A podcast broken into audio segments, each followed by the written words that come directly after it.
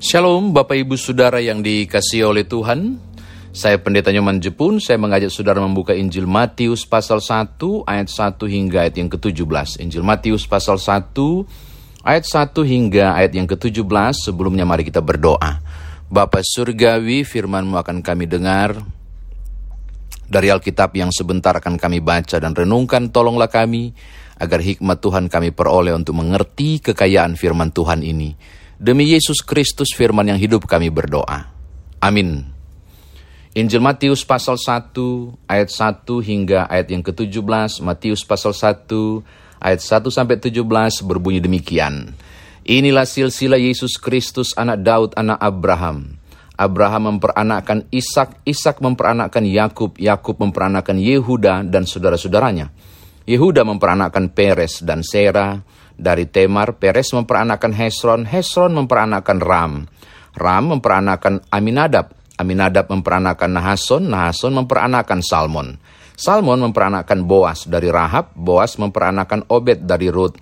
Obed memperanakan Isai, Isai memperanakan Raja Daud, Daud memperanakan Salomo dari istri Uria, Salomo memperanakan Rehabeam, Rehabeam memperanakan Abia, Abia memperanakan Asa, Asa memperanakan Yosafat, Yosafat memperanakan Yoram, Yoram memperanakan Usia, Usia memperanakan Yotam, Yotam memperanakan Ahas, Ahas memperanakan Hiskia, Hiskia memperanakan Manase, Manase memperanakan Amon, Amon memperanakan Yosia, Yosia memperanakan Yekonya dari saudara-saudaranya pada waktu pembuangan ke Babel. Sesudah pembuangan ke Babel, Yekonya memperanakan Setiel, Setiel memperanakan Serubabel, Serubabel memperanakan Abihud, Abihud memperanakkan Eliakim. Eliakim memperanakkan Asor. Asor memperanakkan Sadok. Sadok memperanakkan Akim. Akim memperanakkan Eliud. Eliud memperanakkan Eleazar. Eleazar memperanakkan Matan. Matan memperanakkan Yakub. Yakub memperanakkan Yusuf suami Maria yang melahirkan Yesus yang disebut Kristus. Jadi seluruhnya ada 14 keturunan dari Abram sampai Daud 14 keturunan dari Daud sampai pembuangan ke Babel, dan 14 keturunan dari pembuangan ke Babel sampai Kristus. Demikian firman Tuhan, saudara dan saya dikatakan berbahagia jika mendengarkan firman Tuhan ini, merenungkannya, memberitakannya, istimewa melakukan dalam kehidupan beriman kita. Saudara, kekasih dalam Kristus, pasti saudara bertanya apa mau-mau direnungkan dari silsilah ini dengan begitu banyak nama yang tidak menarik sebenarnya apa yang bisa diambil dari kisah silsilah Yesus Kristus. Nah, saya mau memberitahu kepada saudara, ternyata dari silsilah Yesus Kristus, saudara bisa menemukan beberapa hal yang luar biasa sebenarnya. Yang seharusnya ketika saudara membaca dengan jeli kisah ini, silsilah ini, saudara akan mengagungkan Tuhan, yang kemudian membawa saudara menemukan bahwa Yesus Kristus lahir melalui berbagai peristiwa yang luar biasa lewat silsilah yang saudara baca. Oke, mari kita kupas lebih dalam teks ini. Perhatikan ayat yang ke-17. Ada 42 keturunan. 14 keturunan dari Abraham sebelum pembuangan ke Babel. Pembuangan ke Babel itu kemudian terus menerus tiga kali 14 kita akan menemukan 42 keturunan di ayat 17. Okay? 42 generasi yang kemudian melahirkan Yesus. Ini hal yang pertama. Hal yang kedua, Bapak Ibu, saudara akan menemukan tokoh-tokoh menarik dalam Alkitab. Saya akan menemukan tokoh-tokoh yang kurang menarik, kurang baik, kurang ideal. Saya akan sebutkan beberapa nama yang kurang baik dan kurang ideal untuk disebut sebenarnya tepat nggak sih masuk dalam silsilah. Contoh, saudara akan menemukan satu nama yang menarik. Ayat 5, Rahab. Kalau saudara membaca Rahab, saudara akan tahu bahwa dia adalah seorang pelacur. Ketika kemudian dua orang pengintai itu diselamatkan oleh Rahab. Waktu mau mengintai masuk kanan. Rahab adalah seorang pelacur yang bukan siapa-siapa. Atau saudara akan menemukan juga di ayat yang kelima, nama Ruth. Ruth juga sebenarnya tidak layak masuk silsilah. Mengapa? Karena dia bukan orang Israel asli. Dia bukan keturunan Abraham. Dia bukan juga siapa-siapa. Atau saudara akan menemukan juga seorang yang luar biasa tidak enak nasib hidupnya. Yaitu istri Uria. Bathsheba itu ada di ayat yang keenam. Dia juga wow, dia korban ketidakadilan.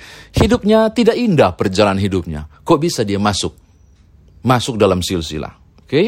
Lalu saudara juga akan menemukan ayat 10 misalnya Manase. Waduh itu toko yang amburadul. Seorang raja yang menyembah Baal. Raja yang kemudian uh, mempersembahkan anaknya kepada dewa, dibakar anaknya. Saudara lihat, kalau saya menyebutkan ini, ada toko-toko yang tidak menarik, ada toko-toko yang tidak ideal. Tetapi saudara akan menemukan toko-toko yang luar biasa, misalnya Abraham, saudara akan menemukan Hiskia yang hebat dan luar biasa itu. Saudara juga akan menemukan seorang yang murah hati bernama uh, Boas misalnya, dan hal-hal lain. Saudara akan menemukan seorang Salomo, toko yang penuh hikmat, atau saudara akan menemukan seorang Daud yang pernah jatuh dalam dosa tapi melakukan pertobatan. Apa yang saya mau katakan di catatan kedua ini? Bahwa ternyata, ternyata ini menarik. Silsilah Tuhan Yesus Kristus itu ada toko-toko yang bisa ditokohkan, ada toko-toko yang bisa diambil menjadi teladan, ada toko-toko yang tidak layak untuk jadi teladan. Ada tokoh yang jalan hidupnya begitu indah, cemerlang, bahkan kudus.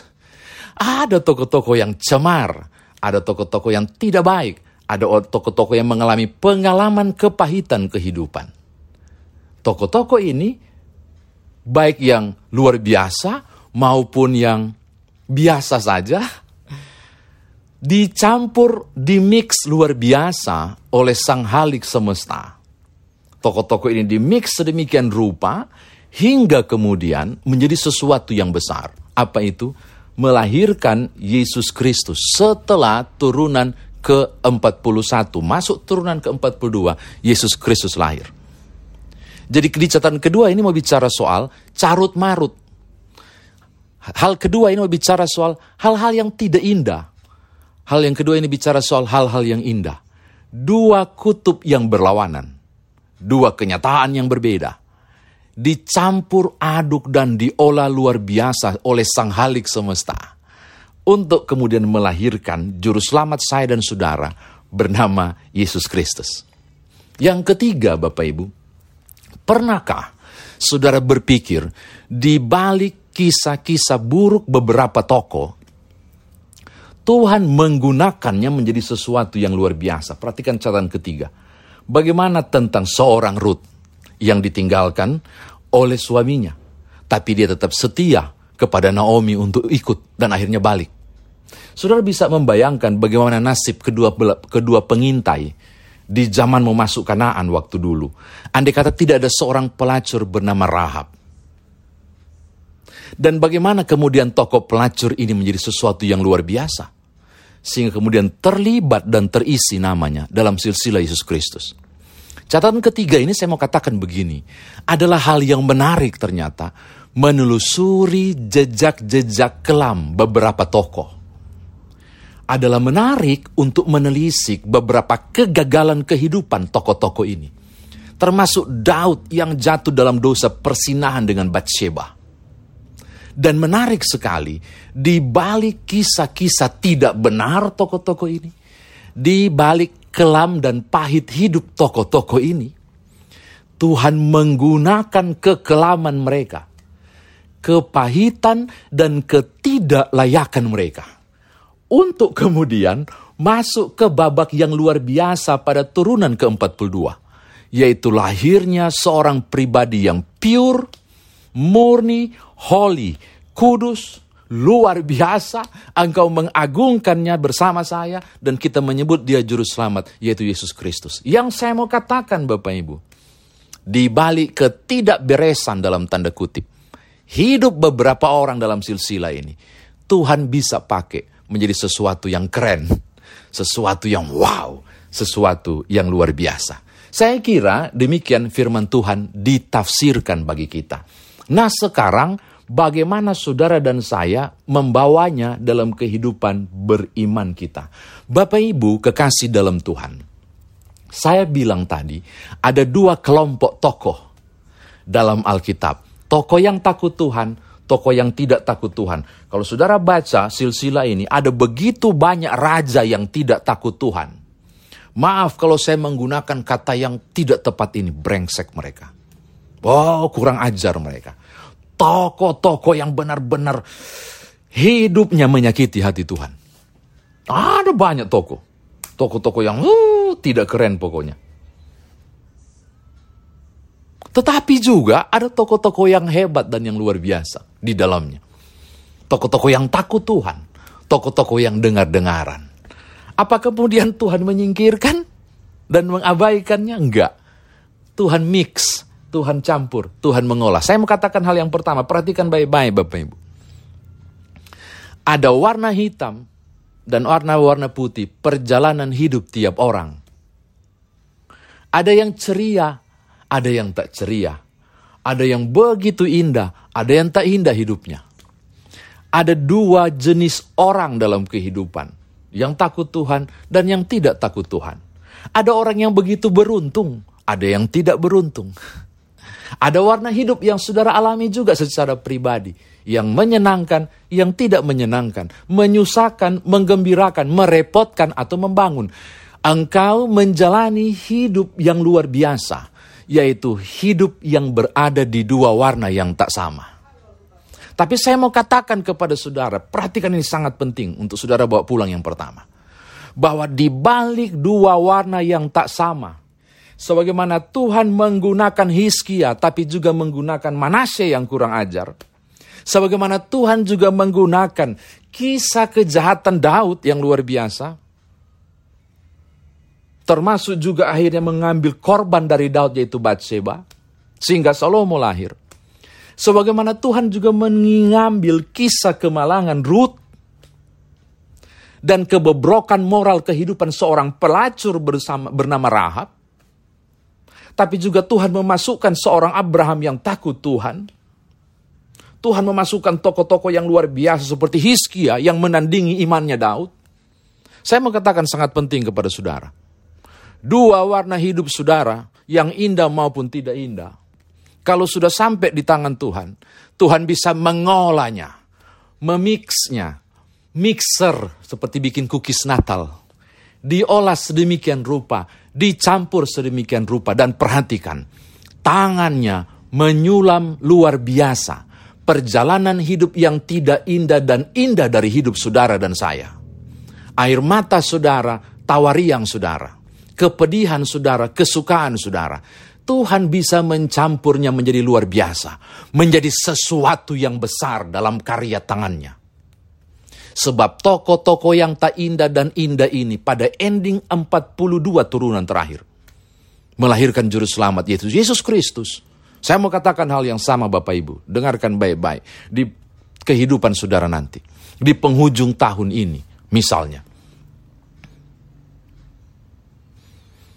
Tak nyaman hidupku, tak seindah orang lain. Tak nyaman hidupku, tak sebahagia orang lain. Beberapa bulan baru saja saya tertawa. Beberapa waktu yang lalu baru saja saya riang. Tapi nyatanya Tuhan izinkan duka dalam hidupku. Misalnya, kehancuran kehidupan ekonomi finansialku, kegagalan anak-anakku. Pada beberapa tahun yang lain kami melihat dia begitu luar biasa. Oh Bapak Ibu saya mau katakan, di dua warna yang tak sama, di hitam putih itu. Kalau sudah ada di tangan Tuhan, Tuhan bisa memiksernya. Tuhan bisa mencampurnya untuk menjadi sesuatu yang besar, sesuatu yang luar biasa, suatu mahakarya yang akan membuat tiap orang tangang-nganga dan mengagumi Tuhan.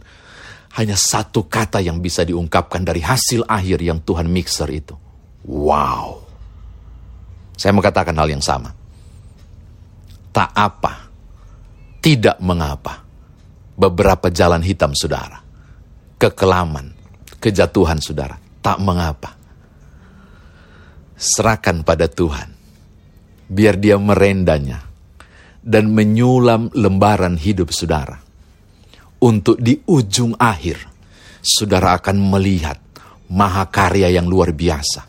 Yang Tuhan pintal dalam hidupmu pribadi maupun keluarga kalau dari kebobrokan hidup Rahab, di situ bisa terlahir juru selamat Yesus Kristus Tuhan kita. Maka Tuhan bisa mampu dan pasti mampu mengerjakan hal-hal yang tidak beres dalam hidup saudara menjadi sesuatu yang gemilang. Amin. Oh, ini penting. Ini penting. Yang berikut Bapak Ibu Saudara. Jangan pernah berhenti untuk melanjutkan kehidupan dalam kemurungan sekalipun, ketidaknyamanan dan kehampaan, bahkan sampai ujung akhir ujung tahun ini, ujung akhir tahun ini. Ada banyak hal yang barangkali menyusahkan saudara, beberapa hal merepotkan saudara, bahkan sampai Naomi bisa bilang begini, jangan panggil saya Naomi, panggil saya Mara. Mara itu berarti pahit, Mengapa dia ingin ganti namanya jadi pahit? Karena memang pahit hidupnya. Bagaimana mungkin kemudian Ruth tetap setia pada mertuanya Naomi dan terus berjalan. Di dalam kealpaan dan kedosaan Rahab, dia tetap mengerjakan sesuatu yang besar, yaitu menyembunyikan pengintai-pengintai supaya aman, sehingga penyerbuan ke Kanaan bisa sukses. Dan bagaimana seorang korban dari nafsu rendah seorang raja bernama Daud, Batseba, diperlakukan tidak adil. Tapi kemudian justru kepahitan hidupnya kemudian melahirkan Salomo. Dan dari urutan berikut kita menemukan sesuatu yang luar biasa. Yesus Kristus bisa lahir. Saya mau katakan hal yang sama kepada saudara. Apakah Naomi pernah berpikir bahwa kelak dia akan menjadi nenek moyang akan tercatat namanya melalui Ruth. Dan bagaimana kemudian justru oleh karena Naomi bawa Ruth, Ruth bisa berjumpa dengan Boas. Andai kata Ruth mundur dan tidak terus mendampingi mertuanya, dia tidak akan berjumpa dengan Boas. Dan kalau nggak berjumpa dengan Boas, tidak ada silsilah yang menyebut tentang Yesus Kristus. Apakah Rahab pernah berpikir dalam kegagalan dan kemorosan kemerosotan moralnya itu. Ketika dia melakukan setitik kebaikan, namanya tercantum dalam silsilah itu untuk membawa kehidupan bagi lahirnya Yesus Kristus juru selamat. Dan apakah tangisan seorang Batseba di dalam kamar seorang raja ketika dia diperlakukan tidak senonoh itu. Tuhan tidak abaikan air matanya. Kelak dia menjadi seorang ibu suri yang ke depan kemudian Salomo lahir, turun-turun ke bawah dapat Yesus Kristus.